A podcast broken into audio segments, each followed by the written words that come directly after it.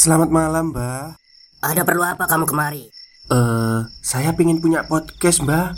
Biar pacar saya makin cinta sama saya. Loh, loh, loh. Mau bikin podcast kok tanya dukun? Sekarang kamu download aplikasi Anchor.fm. Di situ kamu bisa buat podcast gratis dan podcast kamu bisa didistribusikan ke platform mana pun. Dan di aplikasi atau website Anchor.fm juga terdapat fitur-fitur yang memudahkan kamu untuk membuat podcast. Oh, gitu ya, Mbak. Kalau gitu, saya boleh minta password wifi-nya, Mbak. Buat apa? Buat download Anchor.fm, Mbak.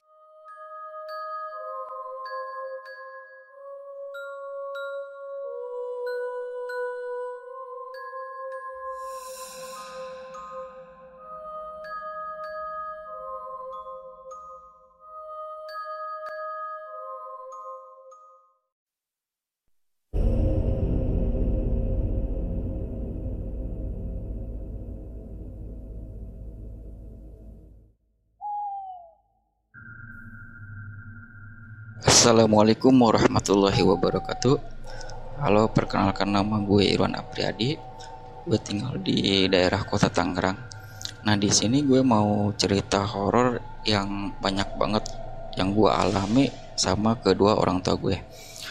Rumah eh, rumah sewa ternyata eh, rumah sewa itu ternyata kuburan. Nah, menurut gue sih ini serem banget ya. Berawal dari kedua orang tua dan berakhir di gua. Oke, gue ceritain intinya aja. Waktu zaman dulu uh, orang tua gue masih belum punya rumah. Nah orang tua gue waktu itu uh, sewa atau ngontrak rumah di daerah Rangkas Bitung Lebak ke kebun nama kampungnya kebun kopi. Nah rumahnya sih rumahnya sih nggak mewah banget gitu, tapi jauh dari kata sederhana. Karena rumah itu dindingnya tuh masih bambu dan bilik gitu. Nah, satu kamar dan satu kamar mandi dan lantainya pun belum di keramik itu masih uh, beralasan tanah merah gitu kan. Uh, waktu itu sih sekitar tahun 1980-an uh, di rumah itulah banyak kejadian yang aneh dan gak masuk di akal gitu. Uh, sewaktu tengah malam orang tua gue tidur itu ranjang digebrak-gebrak dan digoyang-goyangin gitu sampai terangkat uh, melayang ya sekitar satu jengkal lah. Uh, karena ranjangnya itu zaman dulu tuh kasur masih teralis besi dan ada kolongnya ya. Nah pas orang tua gue bangun kaget dikira gempa gempa bumi gitu. Dan ternyata bukan ya udahlah orang tua gue turun dari ranjang ngecek ke bawah nggak ada apa-apa gitu. Dan nggak ada gempa juga. Udah lanjut mau tidur lagi pas sempet orang tua gue mau berbaring itu ranjang kembali bergoyang dan terbang lagi. Dan orang tua gue juga turun lagi. Uh, udah berhenti tuh bergoyang dicek lagi. Nggak ada apa-apa. Terus ketiga kalinya seperti itu lagi kembali terulang. Langsung pikiran orang tua gue ini rumah pasti ada penunggunya. Terus orang tua gue uh, terutama mama ya uh, dia baca istighfar dan ayat kursi itu surat surat pendek gitu. Sampai uh, azan subuh orang tua gue tuh nggak tidur nah lanjut. Hari berikutnya ada lagi kejadian orang tua gue nih lihat di bawah lemari itu karena zaman dulu tuh masih ada kakinya gitu. Dan lemarinya juga sih sekarang masih ada gitu. Nah terus di bawahnya ada gundukan tanah. Panjangnya eh, sekitar satu meter gitu mirip kuburan. Dan lemarinya sampai miring dan mau jatuh tapi masih tersandar di dinding balik di dinding bilik gitu. Dan anehnya di sekitar gundukan tanah tuh banyak sekali semut dan belatung kecil-kecil hingga mau nutupin gundukan tanah tersebut. Nah pas itu mama gue ambil minyak tanah. Nah karena zaman dulu tuh kompor masih pakai minyak tanah. Disiramlah tuh semut dan belatung biar mati dan hilang. Setelah beberapa hari yang anehnya itu gundukan tanah lama kelamaan hilang gitu kembali rata. Orang tua gue nyaksiin tuh udah geleng-geleng kepala tuh. Lanjutlah kejadian berikutnya. Malam hari mama gue tuh kencing ke ke kamar mandi tuh. Abis itu langsung menuju ke kamar. Di kasur tuh ada bapak gue yang lagi tidur. Dan mama gue tuh uh, tidur di sampingnya. Pas mama gue mau sempet mau tidur dah bapak gue kencingin punggung mama gue. Sontak kaget mama gue langsung duduk dan tanya bapak kok kencing? Mama bukan kencingin mama bukannya di kamar mandi? Bapak gue jawab ini perintah atau ada yang nyuruh. Mama gue lihat ekspresi wajah bapak gue tuh kosong kayak kemasukan bukan bapak gue aslinya gitu. Nah terus mama gue langsung pegang tangan bapak gue suruh istighfar pak istighfar pak istighfar bapak gue diam terus kembali lagi. Bapak gue tertidur kayak nggak sadarkan diri gitu. Kayak seolah tidak terjadi apa-apa gitu. Nah terus mama gue istighfar terus tuh. Ya mungkin mama gue ngencengin makhluk tak kasat mata kali ya. Nah, terus uh, lanjut kejadian lagi berikutnya. Bapak gue ngalamin sakit bukan sakit sewajarnya. Waktu itu bapak gue sakit umuran uh, 21 21 tahun tuh masih muda banget nah bapak gue tuh sakit kayak orang lumpuh atau setruk gitu karena kaki tangan badan itu tidak bisa digerak sama sekali hanya mulut bisa ngomong itu juga sih uh, seperlunya gitu kadang ngelantur ngomongnya Nah bapak gue sakit lama tuh kurang lebih hampir tiga tahun tuh. Mama gue sih udah berusaha diobatin pertama kali diobatin tuh uh, manggil dukun itu atau orang pintar. Nah dikasihlah rebusan daun kelor. Alhasil uh, ma masih sama tuh nggak ada perubahan sama sekali. Ya udahlah, terus mama gue bawa bapak gue tuh ke rumah sakit kan. Nah diperiksa ke dokter lah. Dokter juga sempat bingung deh, karena diagnosa nggak ada sakit apa-apa. Tekanan darah normal detak jantung normal dan gula darah juga normal. Nah terus dokter beranggapan mungkin bapak e, depresi atau tekanan batin gitu. Ya dokter sih kasih resep obat penenang dan vitamin doang gitu Nah dokter pesan jangan sampai banyak pikiran aja. Nah, bapak harus ceria gitu kan, jangan sampai tertekan. Nah setelah satu tahun berlalu tuh masih tidak ada perubahan juga. Nah mama gue masih punya orang tua tuh itu nenek itu nenek gue bahwa bahwa bahwa orang gitu dari pondok pesantren tuh guru ngaji dia dari kampung Pamayaran eh, Pamarayan itu masih daerah Rangkas Bitung juga. Tapi eh, jauh dari rumah gue sih. Nah, terus datang ke rumah. Nah nenek nenek gue cerita udah semua tuh ke guru ngaji nah habis itu bapak gue di Rukiah. Nah pas di Rukiah yang anehnya bapak bapak gue tuh nggak teriak-teriak malah biasa aja cuman ngomong adem banget gitu. Nggak lama tuh di Rukiah bapak gue ngelihat sosok yang selama ini gangguin orang tua gue ada keluar dari badan bapak gue tuh sosok makhluk ini uh, berburu lebat uh, bulunya tuh berantakan matanya merah hidungnya nggak ada cuman ada taringnya dua gitu.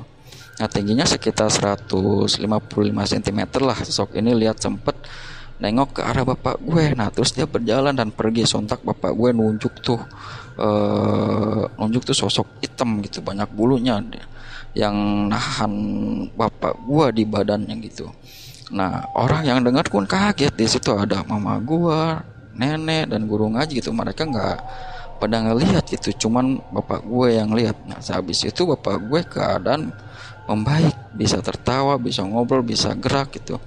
Tapi berjalan belum bisa e, seperti kayak anak baik lah gitu. Mau jalan mungkin itu udah lama gitu nggak pernah digerakin. Nah uh, lambat laun tuh ngerandang terus ngerangkak sering berjalannya waktu alhamdulillah bapak gue akhirnya bisa berjalan dengan normal gitu. Uh, setelah semuanya membaik orang tua gue baliklah pindah ke rumah orang tua mama gue yaitu uh, rumah nenek gue. Nah pas mau ninggalin itu rumah tetangga dan warga itu bertanya kepada kedua orang tua gue. Lama juga ya ngontrak di rumah ini Nah sontak lah orang tua gue bertanya emang ada apa? Kenapa? Gitu kan. Tetangga jawab itu itu rumah tuh masih banyak kuburannya belum dipindahin gitu. Waktu itu ada orang Jawa cuman satu minggu dia terus pindah lagi. Karena kenapa digangguin? Nah terus ada lagi orang Lampung cuman empat hari pindah lagi digangguin juga. Nah orang tua gue tuh paling lama banget di situ kan Nah orang tua gue sempet kesel kenapa nggak ngasih tahu dari awal gitu kan. Terus orang yang di kampung itu pengen kasih tahu tapi takut nggak percaya gitu kan. Ya udah dah lanjutlah ini cerita gue ternyata sosok ini buntutin orang tua gue dan akhirnya diganggu gue juga tuh.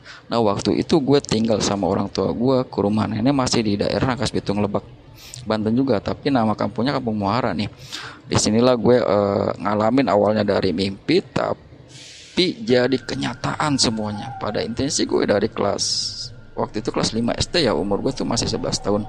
Sampai kelas 3 SMA tuh umur gue 18 tahun. Itu gue dibayang-bayangin mimpi ketemu semua sosok setan yang namanya pocong, kuntil anak, genderuwo, mukanya rata, pala buntung, setan torek, dan lain-lain sebagainya tuh udah pernah gue temuin di alam mimpi gue gitu. Selama bertahun-tahun gue tiap malam mimpi seperti itu ya terus gue ketakutan gitu tiap mau masukin malam itu gue udah males kepikiran pasti malam ini mimpi lagi gitu kan.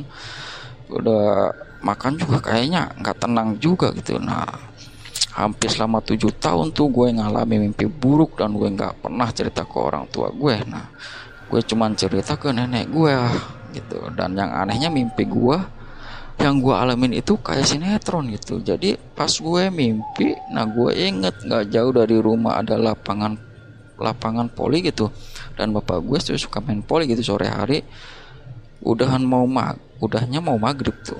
Di dalam mimpi gue di deket lapangan kan ada makam wakaf tuh. Nah terus gue duduk di atas kuburan. Uh, agak tinggi masih ada keramiknya dan gue goyangin tuh kuburan yang mana anak bocah kan. Nah terus dan kuburan itu sontak amblas. Nah dan kelihatan kain putihnya. Nah habis itu dia terbang ke atas. Langsung lah gue lari. Dan di lapangan tuh banyak warga juga eh, berhamburan lari. Nah gue lari sama bapak gue tuh. Sosok kuntil anak ini dia ngejar-ngejar gue sampai rumah. Setelah itu gue bangun dari mimpi gue udah keringet dingin nah di keringet dingin gitu di leher nah gue banyak keringet dingin tuh nenek gue juga bangun. Dia ngelus-ngelus gue dan berkata kenapa? Mimpi setannya berani lawan aja tadi gitu kan. Nah dan gue nggak ada keberanian tuh sama sekali. Ya gue takut banget. Nenek gue uh, bacain sholawat surat pendek itu. Udah itu gue tidur kembali dan mimpi itu lanjut kayak bersambung. Ini kuntil anak masih ngejar-ngejar gue. Sampai ke depan pintu tuh masih bolak-balik. Nah gue intip lewat jendela tuh masih ada dia. Nah terus yang terakhir gue pas SMA kelas 3 udah mulai dewasa nih uh, eh, gue mimpi terakhir sosok serem banget matanya cuma satu gede itu ber, uh, bergelinding itu seperti bola itu dia ngejar gue di situ uh, gue lari ketakutan ke rumah. Pas itu tahu-tahu dia ada depan pintu rumah gue nyegat. Aduh kata gue ya udahlah gue ngumpet di pinggir rumah tetangga gue itu deket kandang ayam. Nah terus sosok ini bolak mau di depan gue nah sontak gue ketakutan banget. Nah gue jongkok terus mimpi, di mimpi gue tuh gue inget nenek bilang berani lawan. Ya udah tuh akhirnya karena keadaan terdesak akhirnya gue beranikan diri dah. Ada pintu sama sosok uh, mata satu. Nah pas gue keluar dari persembunyian gue dia mendekat dan gue juga deketin dia gue sambil istighfar dan baca surat al-ikhlas itu kan. Nah kemudian dia menjauh dari gue ya udahlah gue balik ngejar dia sampai ke belakang rumah Nah gue karena di belakang rumah gue ada kali mati gitu kayak rawa kecil lah gitu kayak hutan kecil. Masih banyak pohon gede. Nah Nah sosok mata satu ini dia lari ke pohon gempol yang gede. Nah lalu hilang. Selang beberapa hari gue nggak pernah mimpi lagi yang namanya hantu atau setan gitu ya Di saat itu gue benar-benar ketemu hantu aslinya gitu. Ternyata sosok ini agak pendek sih berbulu lebat berantakan nggak beraturan loh pas di belakang rumah gue tuh ketemunya. Ya berhadapan sama gue dan gue lihat aslinya ini sosok yang pernah gangguin orang tua gue dulu pendek berbulu lebat nggak beraturan matanya merah hidung nggak ada cuma ada taring dua gitu. Aslinya nih hantu ini gue lihat dia nggak napak di tanah tuh sekitar selutut gue tuh melayang tuh. Gue mau ngomong juga agak terbata-bata gitu agak susah dan mau lari pun serasa berat banget tuh udah gemeteran gitu gua. Dan gak lama gua balik arah dan dia pergi berjalan dan hilang gitu aja tuh. Baru dah gue bisa gerak dan gue lari teriak histeris dan teriak nangis pula gue nah para tetangga dengar tuh langsung ngelihat tertuju ke gue kenapa Irwan gue nggak jawab tuh saking takutnya gue lari. Gue langsung pulang habis pulang tuh orang tua gue tanya kenapa? Gue masih bisa jawab. Gue masih gugup gitu kan yang gue lihat itu dengan mata kepala gue sendiri itu gue belum masih belum tenang gitu kan. Si ketakutan ya gue kasih minum sama orang tua gue biar tenang dulu. Nah pas badan pas itu badan gue tuh sakit panas dingin itu. Pas keesokan harinya badan masih panas tinggi. Nah terus pas sore hari itu barulah badan gue sudah membaik gitu kan. Dan orang tua gue bertanya semalam ada apa? Emang lihat apa?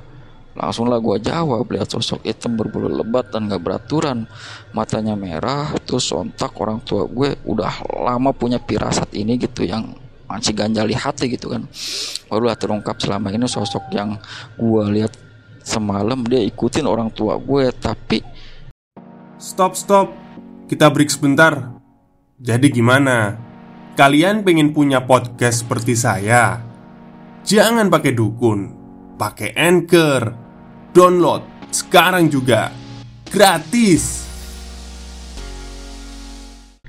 dia nggak ganggu orang tua gue lagi tuh justru kenapa ganggunya ke gua gitu di gua dibayang-bayangin selama ini gitu. Dan gue sempat bertanya kenapa sok ini gangguin nggak gangguin kakak gua gitu ya?